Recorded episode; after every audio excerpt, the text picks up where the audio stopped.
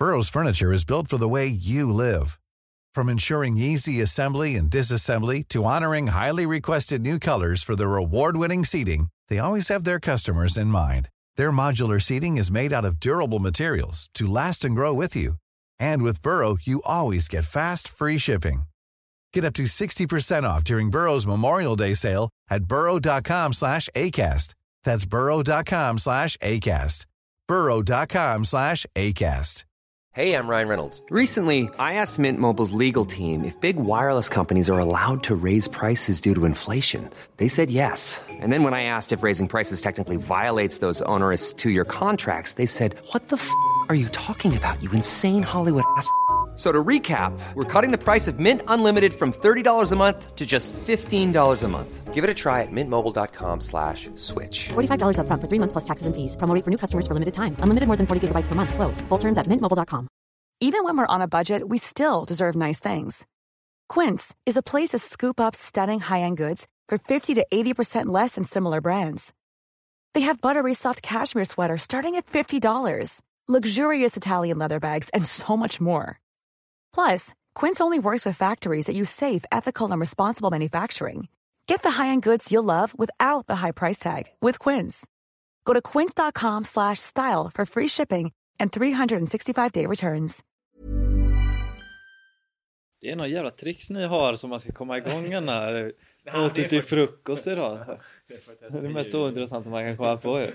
Ja, du kan berätta något mer kittlande om du vill. Om du har några nyhetsbomber så är det bara att dra dem. Jag leverera. Ja, det var mycket olivolja idag på lunchen i alla fall. Alltså. Fick information igår på vårt sånt kostmöte att det var mycket antioxidanter i det så det var bara att spränga sig med olivolja då. Bambolea,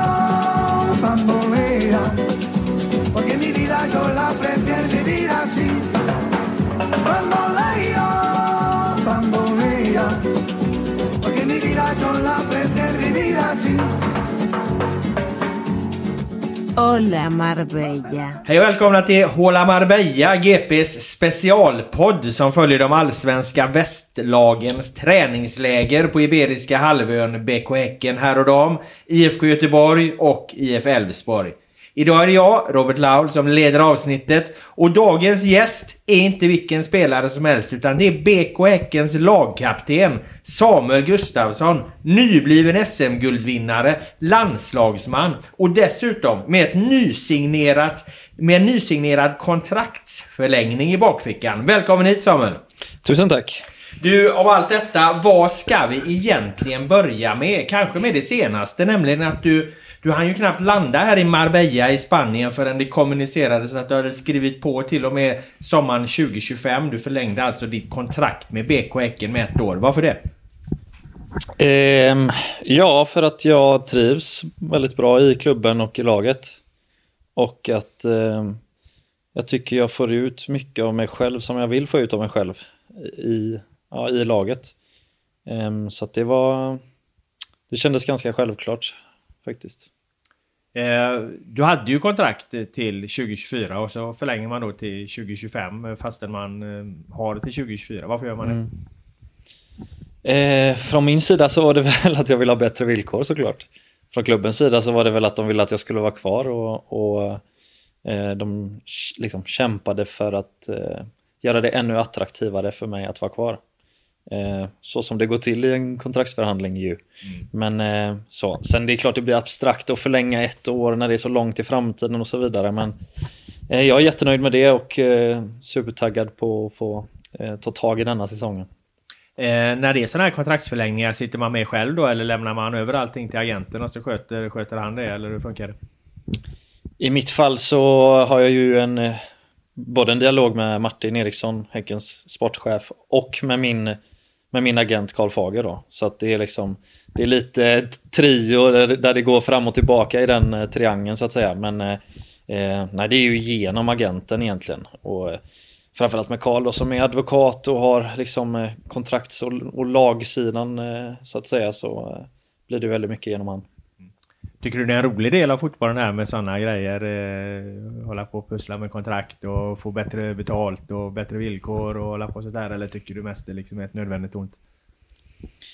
Eh, nej men både och lite alltså.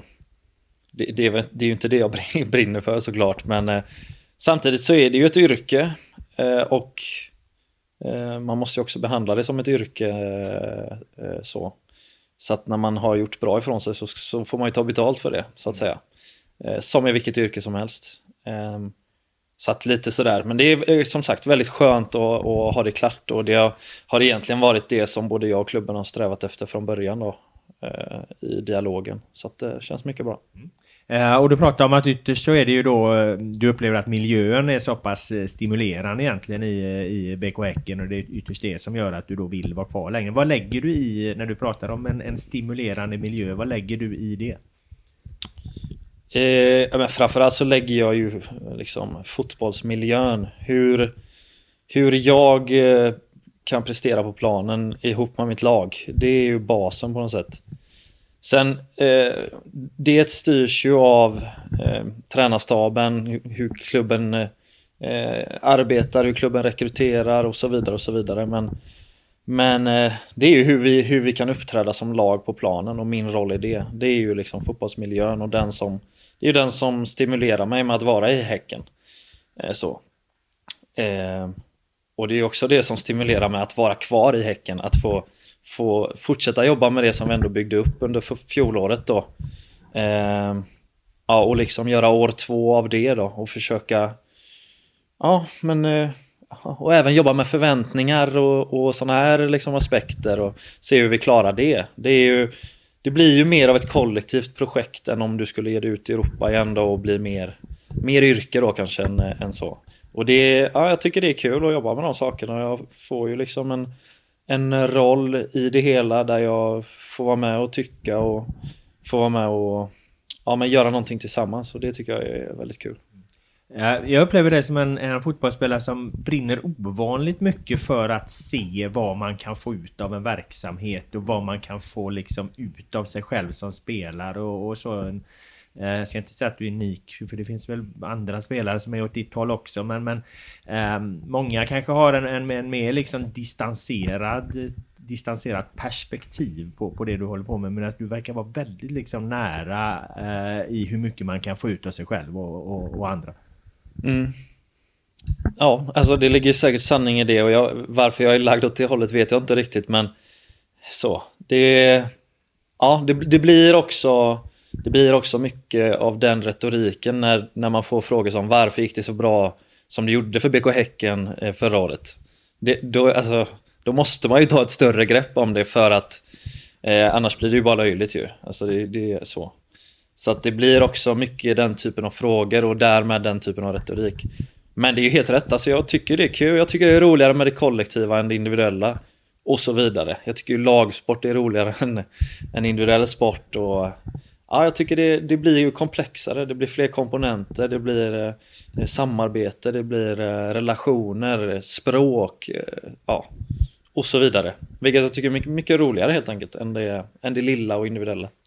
Jag tycker själv i min egen bild av fotboll att jag pendlar lite där. Ibland blir, ibland liksom blir jag lite... Eh, Eh, jag upp lite fotbollen för jag tänker bara att ja, men det styrs ändå bara av pengar. Liksom. Värvar ett lag eh, x antal spelare för och så många miljoner liksom, då kommer de ändå vara bättre än alla de där som försöker, eh, försöker, försöker utveckla verksamheten till max. Hur, hur, hur ofta hamnar du själv i den typen av resonemang?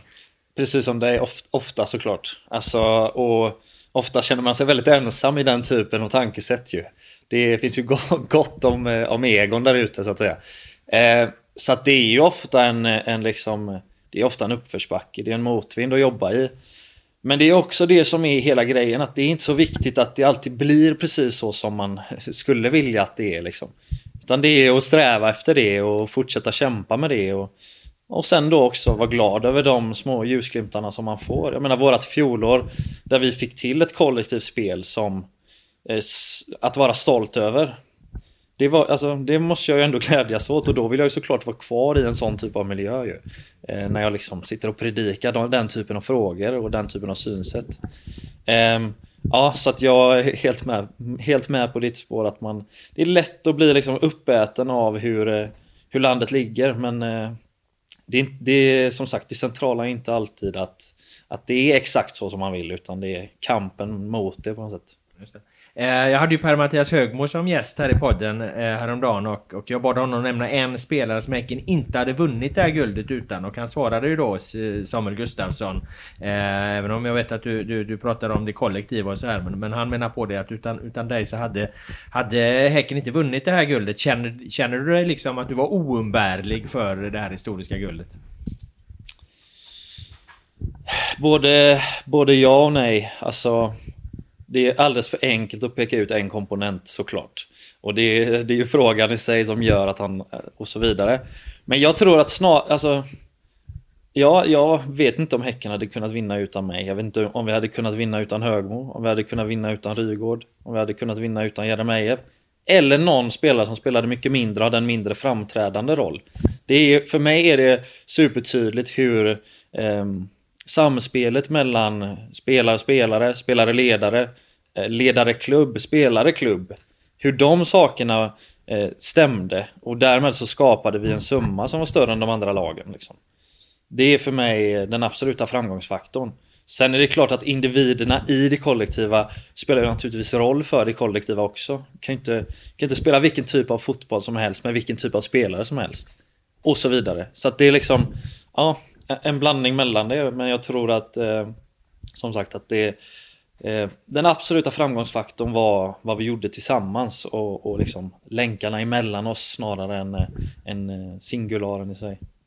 När under säsongen började du själv tro på att, att det skulle bli sådär? För, för jag antar att det inte var givet från början eller fanns det något ögonblick där du mm. förvånades själv över hur jävla bra det här gick?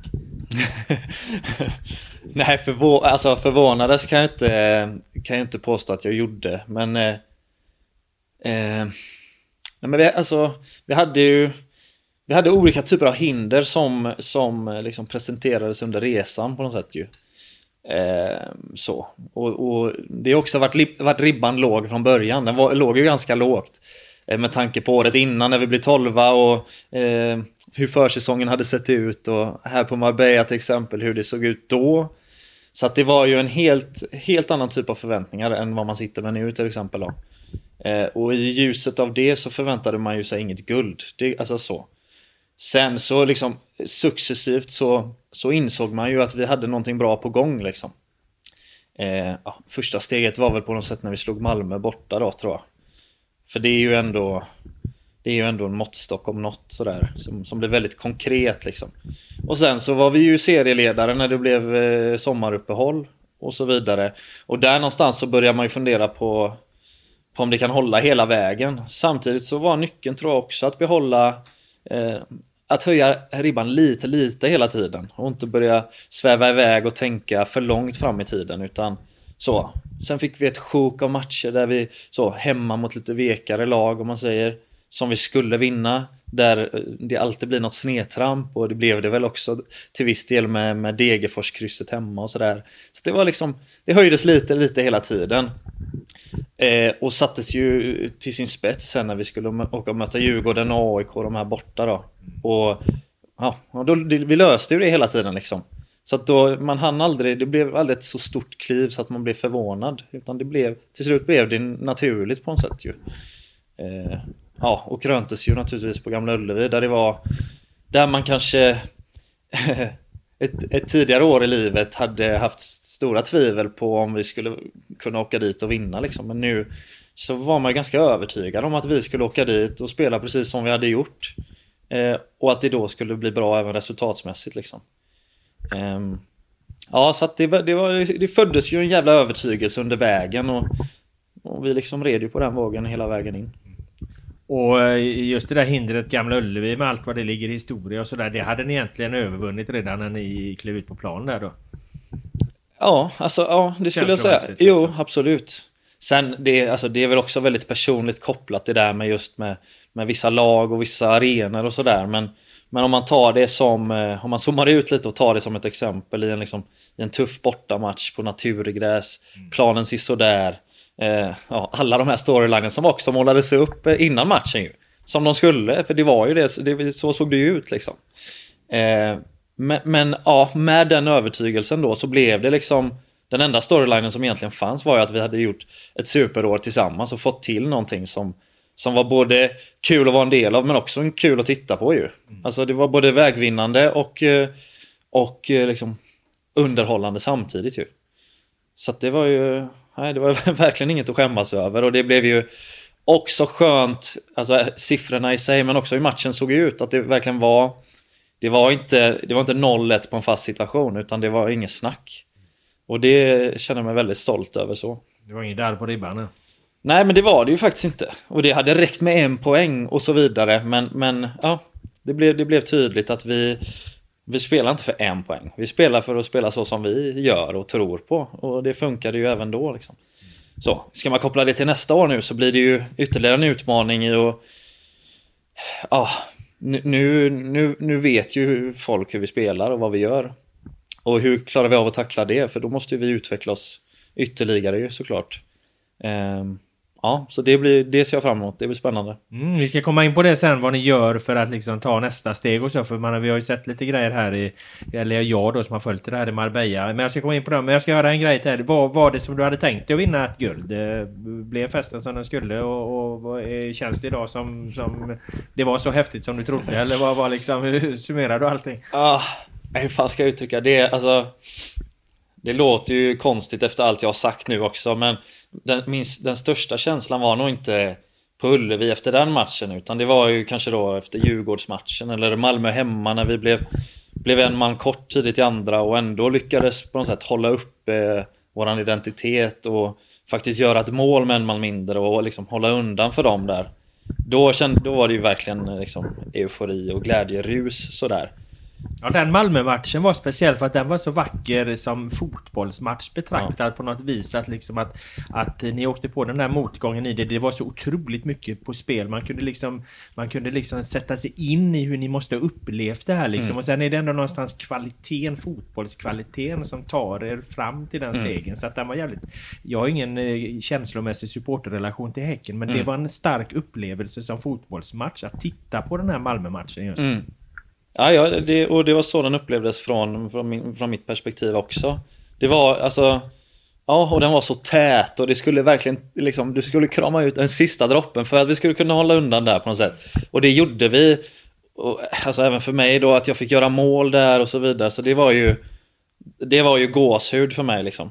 Den matchen och på hemmaplan och sådär. Sen det är klart att det var jävla häftigt på Ullevi också men det var mer... Ja, det var mer ett efterskalv på något sätt. För, för mig personligen i alla fall då. Eh, ja.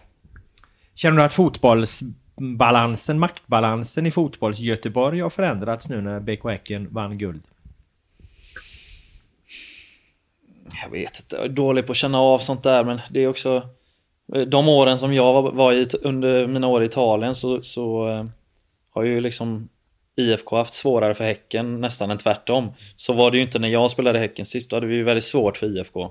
Så att, eh, ja den är väl förändrad över, över, den, över det tidsspannet. Eh, sportsligt. Sen med guldet, vad det gör med liksom supporterskara och eh, svansföring och sånt där. Om man ska nu räkna in de sakerna också då i, i maktförhållandet i fotbolls Göteborg. Så jag antar det. Jag antar att det förändras av att, av att Häcken vinner guld. Så. Eh, men som sagt, jag känner mig inte som någon, någon expert på det där. Så eh, ja. Eh, hur länge lever man på ett guld då? Nu är ni ju här i Marbella. Det är, det är mm. ny säsong och, och nya tag och, och, och, nya träningar och mm. nya matcher och nya premiärer snart. Alltså först och främst så levde jag ju jävligt kort på det själv i och med att det blev landslagssamling direkt efter och det var ju det var ju en anspänning och där jag var verkligen tvungen att samla ihop mig själv ju för att... Eh, och det är också så fotbollskarriären ser ut, det är nästa hela tiden ju. Och det, annars blir du uppäten om du inte lyckas gå vidare. Så att den blir väldigt kort. Samtidigt så har du ju en god känsla som du rider vidare på. Och den känslan är ju kvar och för, för den måste man ju också använda sig av liksom. Eh, så. Sen är det klart, nu så är man tillbaka i den miljön eh, som guldet vanns i, liksom, i Häckenmiljön. Och, eh, det känner man också att det är, nu, nu, vi känner varandra, alla känner varandra liksom. Och vi har ju kvar i princip samma, samma bygge och, och sådär. Och det blir en annan dynamik och det blir andra typer av relationer när man, när man är ett år in. Hur då? Varför det? Eller, berätta. Nej men alltså det är klart att om du, inte, om du inte känner en annan människa så beter du dig eh, på ett sätt. Kanske mer ödmjukt, mer inställsamt, mer eh, försöka liksom komma överens. Nu vet vi redan att vi kommer överens med varandra. Vi har, vi har samsyn i många frågor. Eh, och därmed så ställs det liksom Ja, det ställs högre krav på vad vi gör och eh, hur vi ska utvecklas och sådär. Så att det, det, och det tror jag är, det är där i utmaningen ligger, att, att behärska den eh, att, att, att använda den till våran fördel, den här liksom eh, att vi känner varandra, att vi har, har ett bygge som redan faktiskt eh, liksom funkar och sådär. Och förfina det snarare än att det blir, ja, att det blir för, för, att man drar för stora växlar och saker och sådär. Ja, för att när, ni, när, när, när vi var här för ett år sedan då påbörjade allting på sätt och vis som du är inne på där och nu, nu, nu vet ni vart det bar och så nu ska ni då eh, ta det vidare. Innebär det att per automatik att, att ni är liksom och kommer vara på planen också ett år bättre? Ja, alltså i, i mitt huvud så borde det rimligtvis vara så såklart. Sen så, det, det vet jag inte. Alltså det hoppas jag ju på. Och eh, jag menar det räcker ju, du som har sett träningarna ser ju att vi har ju, vi har ju relationer som är förfinade sen innan. Um, där vi, där vi, vi vet vad vi vill ha ut av varandra. Och det borde ju ge en fördel naturligtvis. Sen som sagt, så, det handlar ju också om att förfina det hela tiden. Och, och, och fortsätta utveckla det. Och liksom, utvecklingsutrymmet blir ju, blir ju trängre och trängre för, för varje liksom, år som går ju. När vi inte känner varandra så finns det ju massa saker att förbättra. Nu handlar det väl snarare om att liksom specificera vad det är vi vill förbättra och fokusera på det utan att tappa det som vi redan har gjort bra då. Så att, eh, mm, ja där, där någonstans eh, är väl både jag och laget nu. Just det. Eh, vi hade uppe, jag hade uppe där när jag eh, poddade med, med Högmo också angående eh, kravställare i laget och så. Och, och, du är ju en person som ställer oerhört höga krav på dig själv men också på din, din omgivning. I alla fall den bilden eh, jag har. Men, men att ställa de här kraven, det är ju en sak att göra det när man liksom befinner sig i ett flow tänker jag. När allting liksom eh, flyter på och man någonstans gör det i en framgångsvåg. Att ställa, ställa liksom samma höga krav i i perioder då det går, då det går tungt. Då mm. riskerar ju snarare kanske att det blir gnälligt och, och mm. lite destruktivt. Och, och då undrar jag, när man är en sån kravställare som du är då, kan du känna av läget också eller kan mm. du bara köra liksom? Nej men ja verkligen. Det blir, det, alltså, ja, det är också en sån sak som jag har tänkt på. Det är klart att det kommer perioder när det går sämre, personligen och för laget och hur man då tacklar det. Men, och det jag kommer fram till på något sätt det är, ju, det är ju att inte hänga upp det på hur det går. Utan det är att hänga upp det på vad vi gör och hur man beter sig varje dag och hur man så.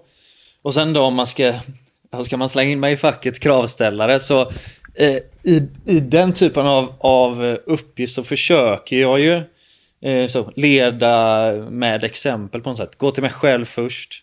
Eh, liksom städa med, vad säger man, sin egen matta framför dörren först.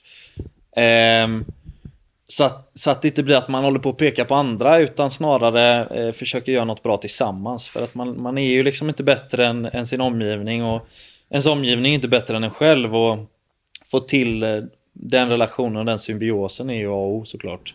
Så att eh, ja, det blir också en utmaning. Hur man ska... Jag hoppas att jag kan känna av det och hoppas att jag är Eh, men jag hoppas att jag är sporrande snarare än, än klagande om man säger. Även i motgång då.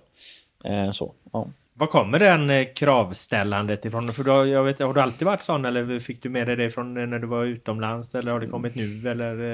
Eh? Jag vet inte.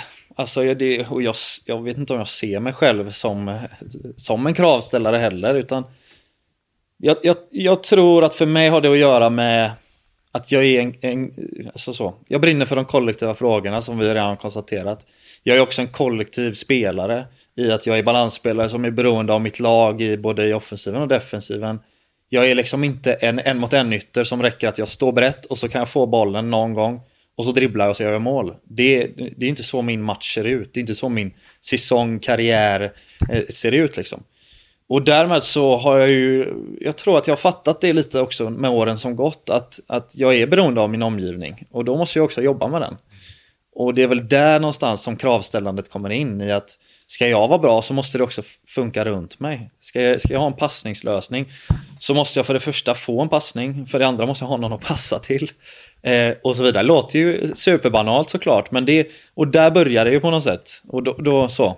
Så det är också för att säkerställa min egen, min egen mat på bordet på något sätt ju, som, som eh, så. Men, och det är också det som har blivit bra, att det kollektiva och det individuella för mig går hand i hand på något sätt. Och då blir det väldigt lätt att vara ja, en kravställare, en ledartyp eller så, vad man nu vill kalla det. Så det, det, det är inget jag strävar efter i sig, att vara en förebild för andra och så vidare, utan det är mer att jag... Eh, det handlar ju eh, i lagsport om att laget ska prestera i slutändan. Eh, så. Under lägret, årets läger här, är det någon ung spelare som har imponerat mycket på dig i Häcken? Av dem ni har med eh, Jag vet inte om det är någon speciell. Jag tycker det är bra fotbollsspelare allihop. Och eh, det, det, är också viktigt att inse att, att de kommer in i ett väldigt fungerande eh, lag liksom, som är på en hög nivå. Och det är lätt att glömma det själv liksom för att det är inte lätt att komma upp eh, som ung och bara vara hur bra som helst i det. Utan det är ju en hög nivå och det är en svår miljö att tackla sig in i. Och eh, så, så som, som, som lagkapten eller så, eh, så, så, är det också min roll att försöka försöka hjälpa dem in i det. Eh, ju. Och där har jag väl en bit kvar känner jag själv. Det är lätt att bli eh, som sagt och bli frustrerad och tappa perspektiv sådär. Men det är jättebra fotbollsspelare och, och eh, den, miljön, den träningsmiljön som vi har skapat och som vi behåller och som du säkert har sett här under lägret också. Att vara i den varje dag kommer att göra en ung ambitiös spelare mycket bättre. För att det är, det är en bra miljö. Eh, och det är viktigt liksom. Så, så att, eh, de kommer bli bra allihop tror jag. Ni hade ju en här nu som spelar från start i, i första matchen på det här träningslägret eh, mot eh, Odd där eh, Pontus Dabo då. Mm. Där såg man ju lite det du pratade om där. Det är ju inte helt eh, helt enkelt kanske att kliva rakt in i, i, i Häcken och fungera där liksom. Han hade ju en ganska tuff första halvlek mm. där och, och Högmo fick ju prata med honom efteråt mm. och så liksom att, att eh, upp på hästen igen och mm. allt det här. Nej, och jag har också pratat med han för, för att det är också viktigt att poängtera det när man ser matchen att för att han är jättebra på att positionera sig och på att hitta rätt lösningar och så vidare. Men sen så kommer det en situation där det ska tacklas axel mot axel och då är han ung och han har fysiskt utvecklingspotential. Och då blir man nedtacklad och så är det omställning. Och då blir det att när du ser matchen utifrån och inte fattar varför så, blir det, så, så är det lätt att peka ut det. Men det är ju en del i processen för en ung spelare. Han har inte spelat mot så fysiska spelare innan som han gjorde nu mot Odd. De var ju fysiska, även för oss var de ju fysiska. Eh, så ja, det... Hammar hade ju problem till och med med forwardsen här ju. Och ja. hålla undan dem så att de var Ja, han är ju lite större än vad, än vad Pontus Dabo är. Ja, får man ändå säga. Nej men så här, så att det, det är ju bara ett steg i utvecklingen. Eh, så. Och Pontus kommer ju, nu kommer han ju möta det både på träning och i match. Och då kommer han eh, tvingas till lösningar eller tvingas till en fysik som klarar av det. Eh, och, och, det är liksom helt naturligt, det är så det, det, är så det ser ut. Ehm, ni har jobbat på träningarna här och även i match då eh, med att ta nästa steg. Bland annat så håller ni på att sätta ett, ett nytt eh, eh, pressspel då där ni, där ni ska vara lite tidigare, lite högre.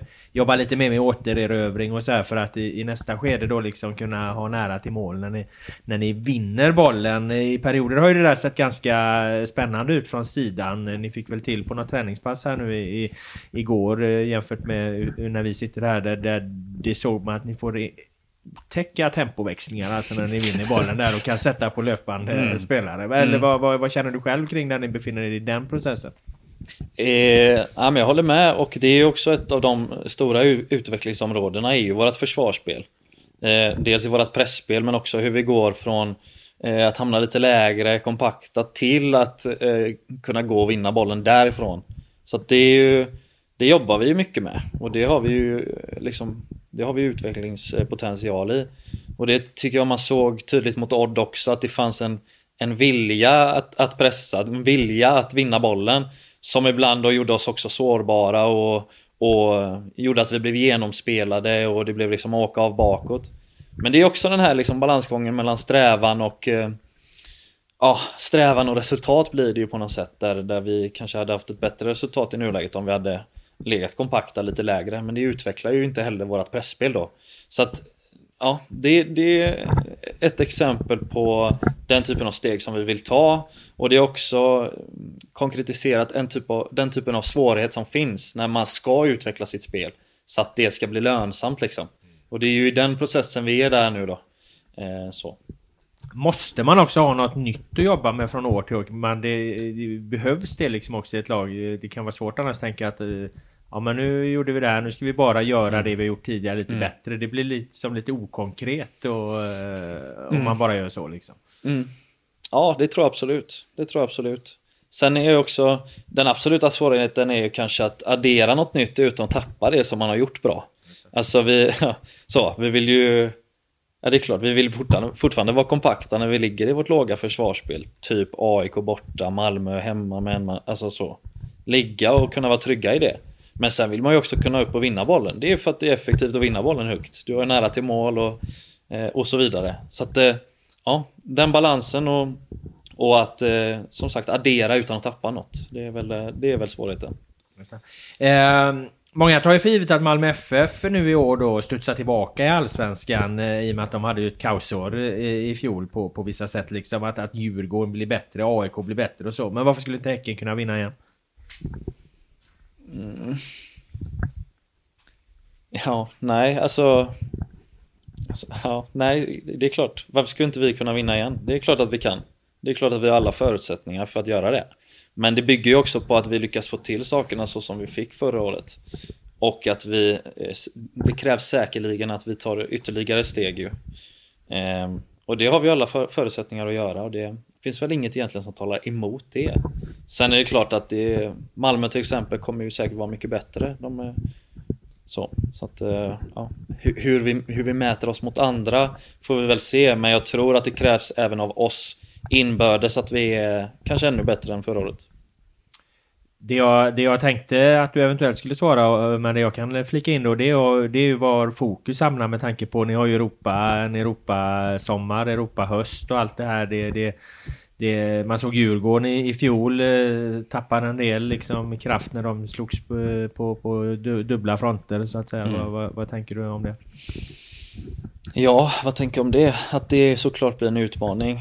Framförallt för att det är fler matcher och tätare matchspel hela tiden vilket ställer ju helt andra krav på eh, en spelare och en spelartrupp fysiskt och mentalt och så vidare. Eh, så att det blir ju givetvis en utmaning. Samtidigt så är det ju det vi, det är ju det vi tränar för, det är ju så våra träningsveckor ser ut. Eh, de ser ut på ett sätt som gör att vi ska kunna spela tre, tre matcher i veckan. Eh, och det är ju det vi vill och jobbar för. Sen hur det kommer gå, det får vi väl se så. Jag vill bara flika in också att det, jag tyckte det var kul att det gick bra för Djurgården i Europa Eh, under förra året. För det blir ju så här, ja Malmö hade ett dåligt år och de hade det dåligt och så här. Ja, så det var därför Häcken vann. Det var det ju inte. Djurgården gick ju jättebra i Europa, så det var ju ett svinbra fotbollslag. Det var ju bara att vi var ännu bättre. Eh, som liksom kvitto på att det var ju det var ingen skitsäsong på något sätt, bara för att Malmö inte kunde spela fotboll. Nej men det är väl så att om Malmö förvaltar sina pengar rätt som lite så var vi inne på där då, då, då, då ska de väl egentligen... Eh, ja. Om man nu ser fotboll på det sättet då liksom. Sen, eh, sen är det ju skärmen med det att, att det går att... Det finns andra sätt också mm. än pengarna. Absolut.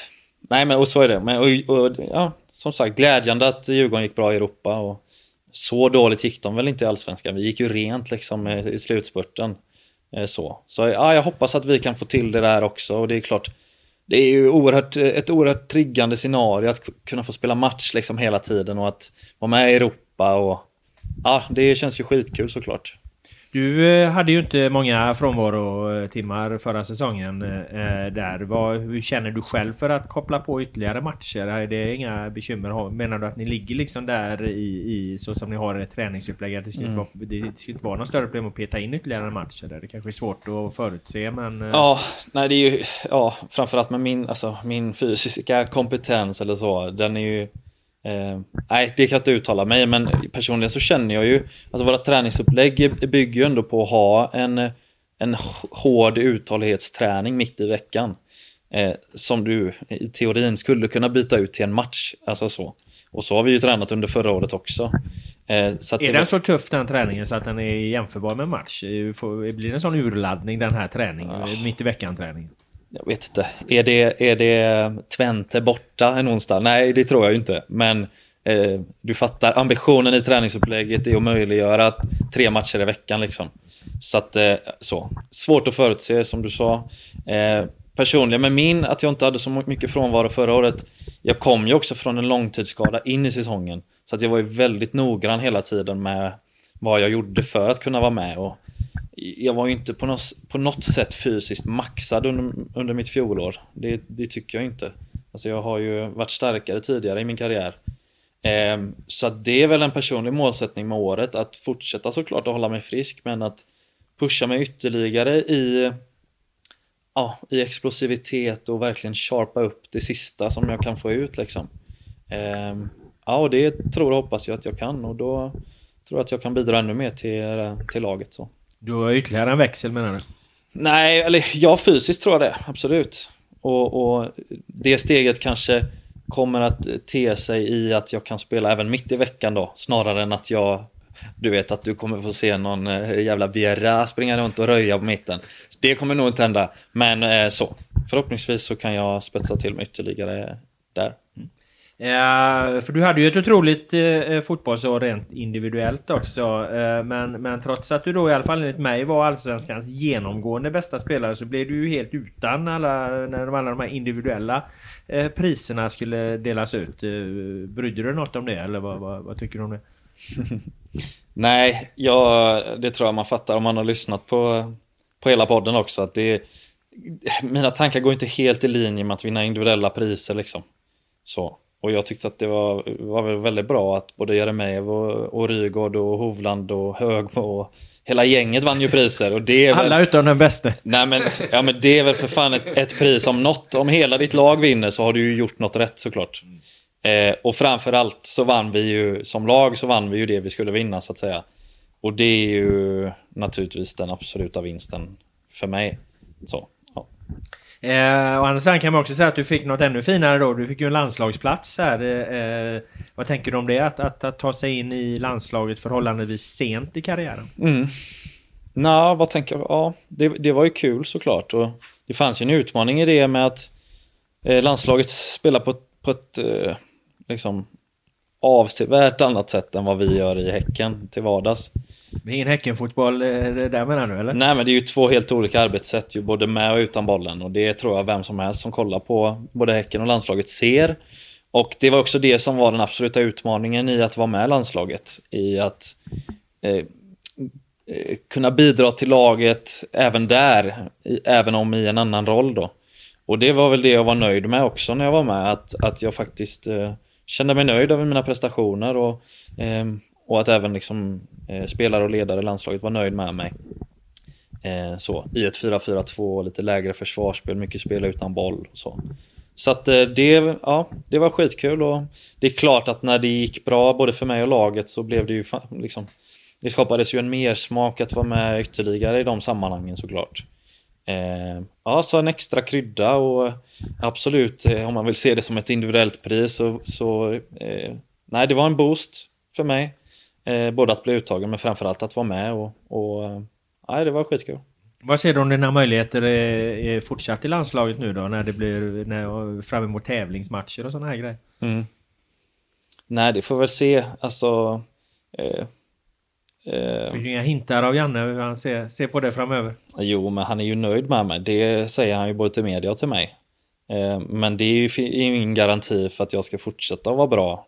Utan det är ju, det är ju där svårigheten ligger att, att fortsätta vara bra såklart. Eh, och då är vi tillbaka på att eh, ställa krav på, på den miljön man är i och på sig själv. Och se till så att varje dag ger någonting. Eh, och att orka hålla uppe det över tid också. Så, även när den direkta responsen inte alltid kommer i SM-guld, landslagsuttagning. Och att orka det då, liksom att jobba på hela tiden.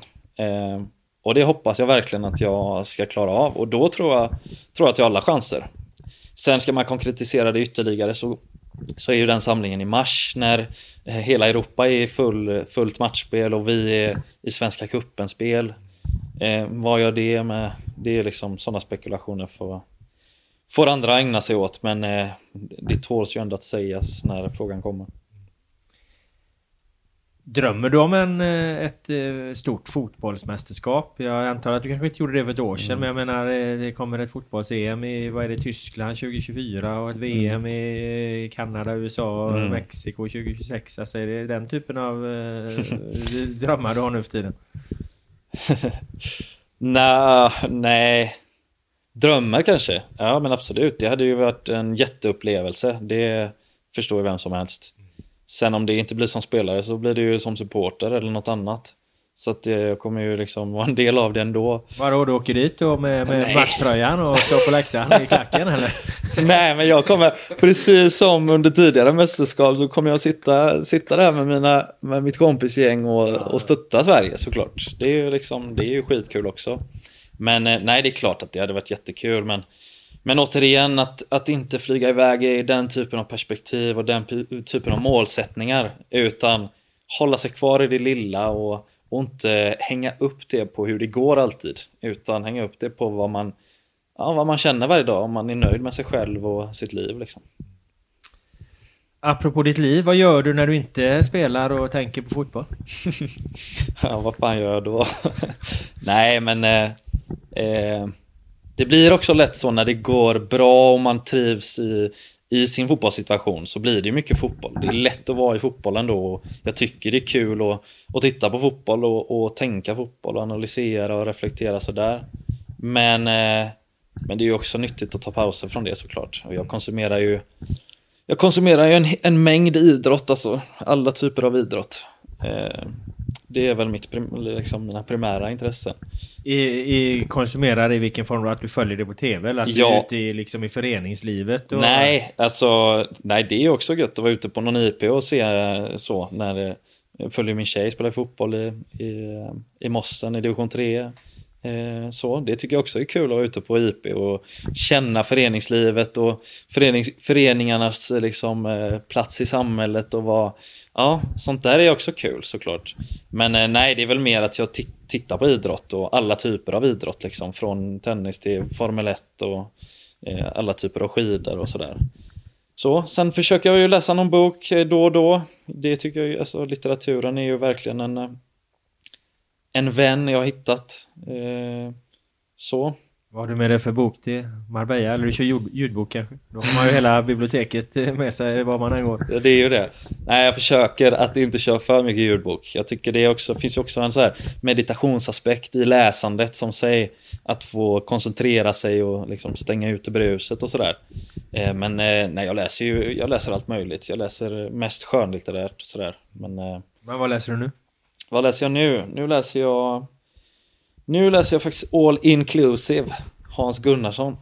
Mm. Eh, som jag blev sugen på. Det är också sådär eh, lagom när man är på träningsläger. Eh, så. Eh, du gick ut och försvarade din bror eh, Elias här i en, i en annan podd i ganska så starka ordalag. Eh, mm. apropå att ni är idrottsfamilj och så här. Han spelar också fotboll fast på, på, på lite lägre nivå då i, i, i ÖIS där. vad fick du för reaktioner på det utspelet? Vad fick jag för reaktioner på det? Eh, inga sådär, eller jo, några personliga där eh, de tyckte att det var bra att jag eh, så, visade min lojalitet. Eh, sen jag, jag, jag konsumerar inte så mycket fotbollsmedia så att efterspelet i media eh, kring ett sånt uttalande vet, vet jag inte hur det såg ut faktiskt. Eh, sådär, så att nej, jag vet inte vad det var för efterspel på det egentligen. Eh, och jag vet inte om jag är så sugen på att rota vidare i det heller. Jag tycker att jag eh, den här podden som du nämner eh, säger det jag tycker och eh, det tycker jag att man alltid ska säga det man tycker. Sen så ska man inte hålla på och älta saker till, till bristningsgränsen heller utan det är liksom var sak får ha sin tid och eh, varje uttalande blir på något sätt en ny skvätt tändvätska på, på brasan så att det, det är väl bättre att släcka den brasan tycker jag. Eh, vad händer med Elias? Han kommer inte till Häcken eller? Så ni spelar alla tre bröder i samma lag? ja, varför inte? Du, du, du ligger på Martin om det. Eriksson, sportchefen. Nej, det gör jag inte. Det gör jag inte. Eh, nej, för, för, i mitt perspektiv så handlar det först och främst om vad Elias vill. Eh, vad, vad, han vill göra med sin tid, om han vill fortsätta spela fotboll på elitnivå eller eh, så. Eh, så det, det är helt hans beslut. Eh, en annan nyhet här i närtid är ju att Per-Mattias Högmo då, eh, tränaren, han har ju också förlängt sitt kontrakt. Eh, var det rätt beslut av alla inblandade tycker du? Det är skönt att ha Högmo ett år till. Tycker absolut. Alltså, det är väl bara att applådera insatsen under fjolåret och min, min relation och dialog med han är ju utmärkt. Så att det var bra tycker jag, absolut. Vad gör honom till en bra tränare tycker du? Jag tycker att det är hans han har ju en ledarsida som för mig är större än hans tränarsida i, ja, i att verkligen vara en ledare, att visa hur man beter sig, att visa eh, ja, mer de mänskliga aspekterna av det liksom än det fotbollstaktiska.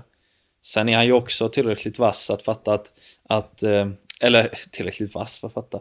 Hans tränarstab är det ju det handlar om. Det handlar inte om han i sig bara, utan det handlar också om att ha eh, folk runt sig som kompletterar en själv på Eh, från, från min synvinkel så har det blivit väldigt bra också i våran tränarstab i, i att han blir mer en, en ledare som delegerar och sen har vi liksom spetskompetens i de olika områdena som är, som är väldigt vass.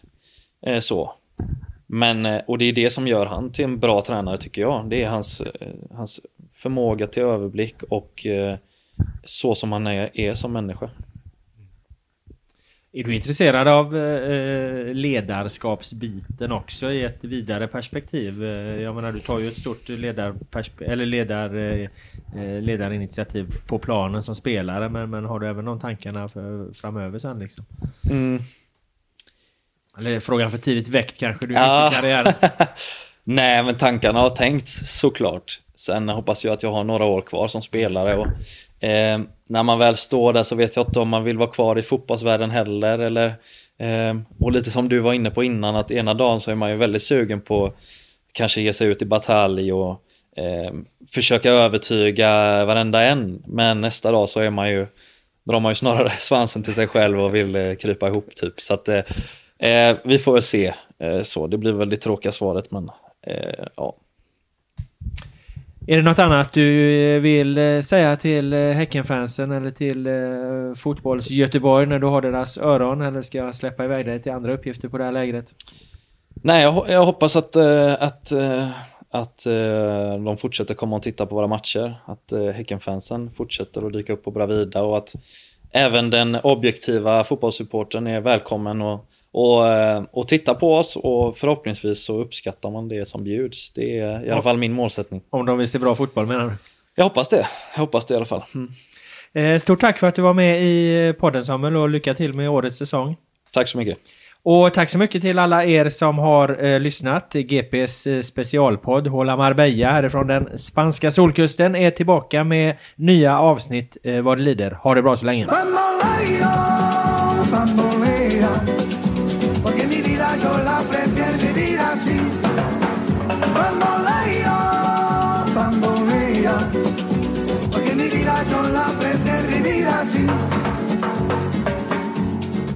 Hola Marbella.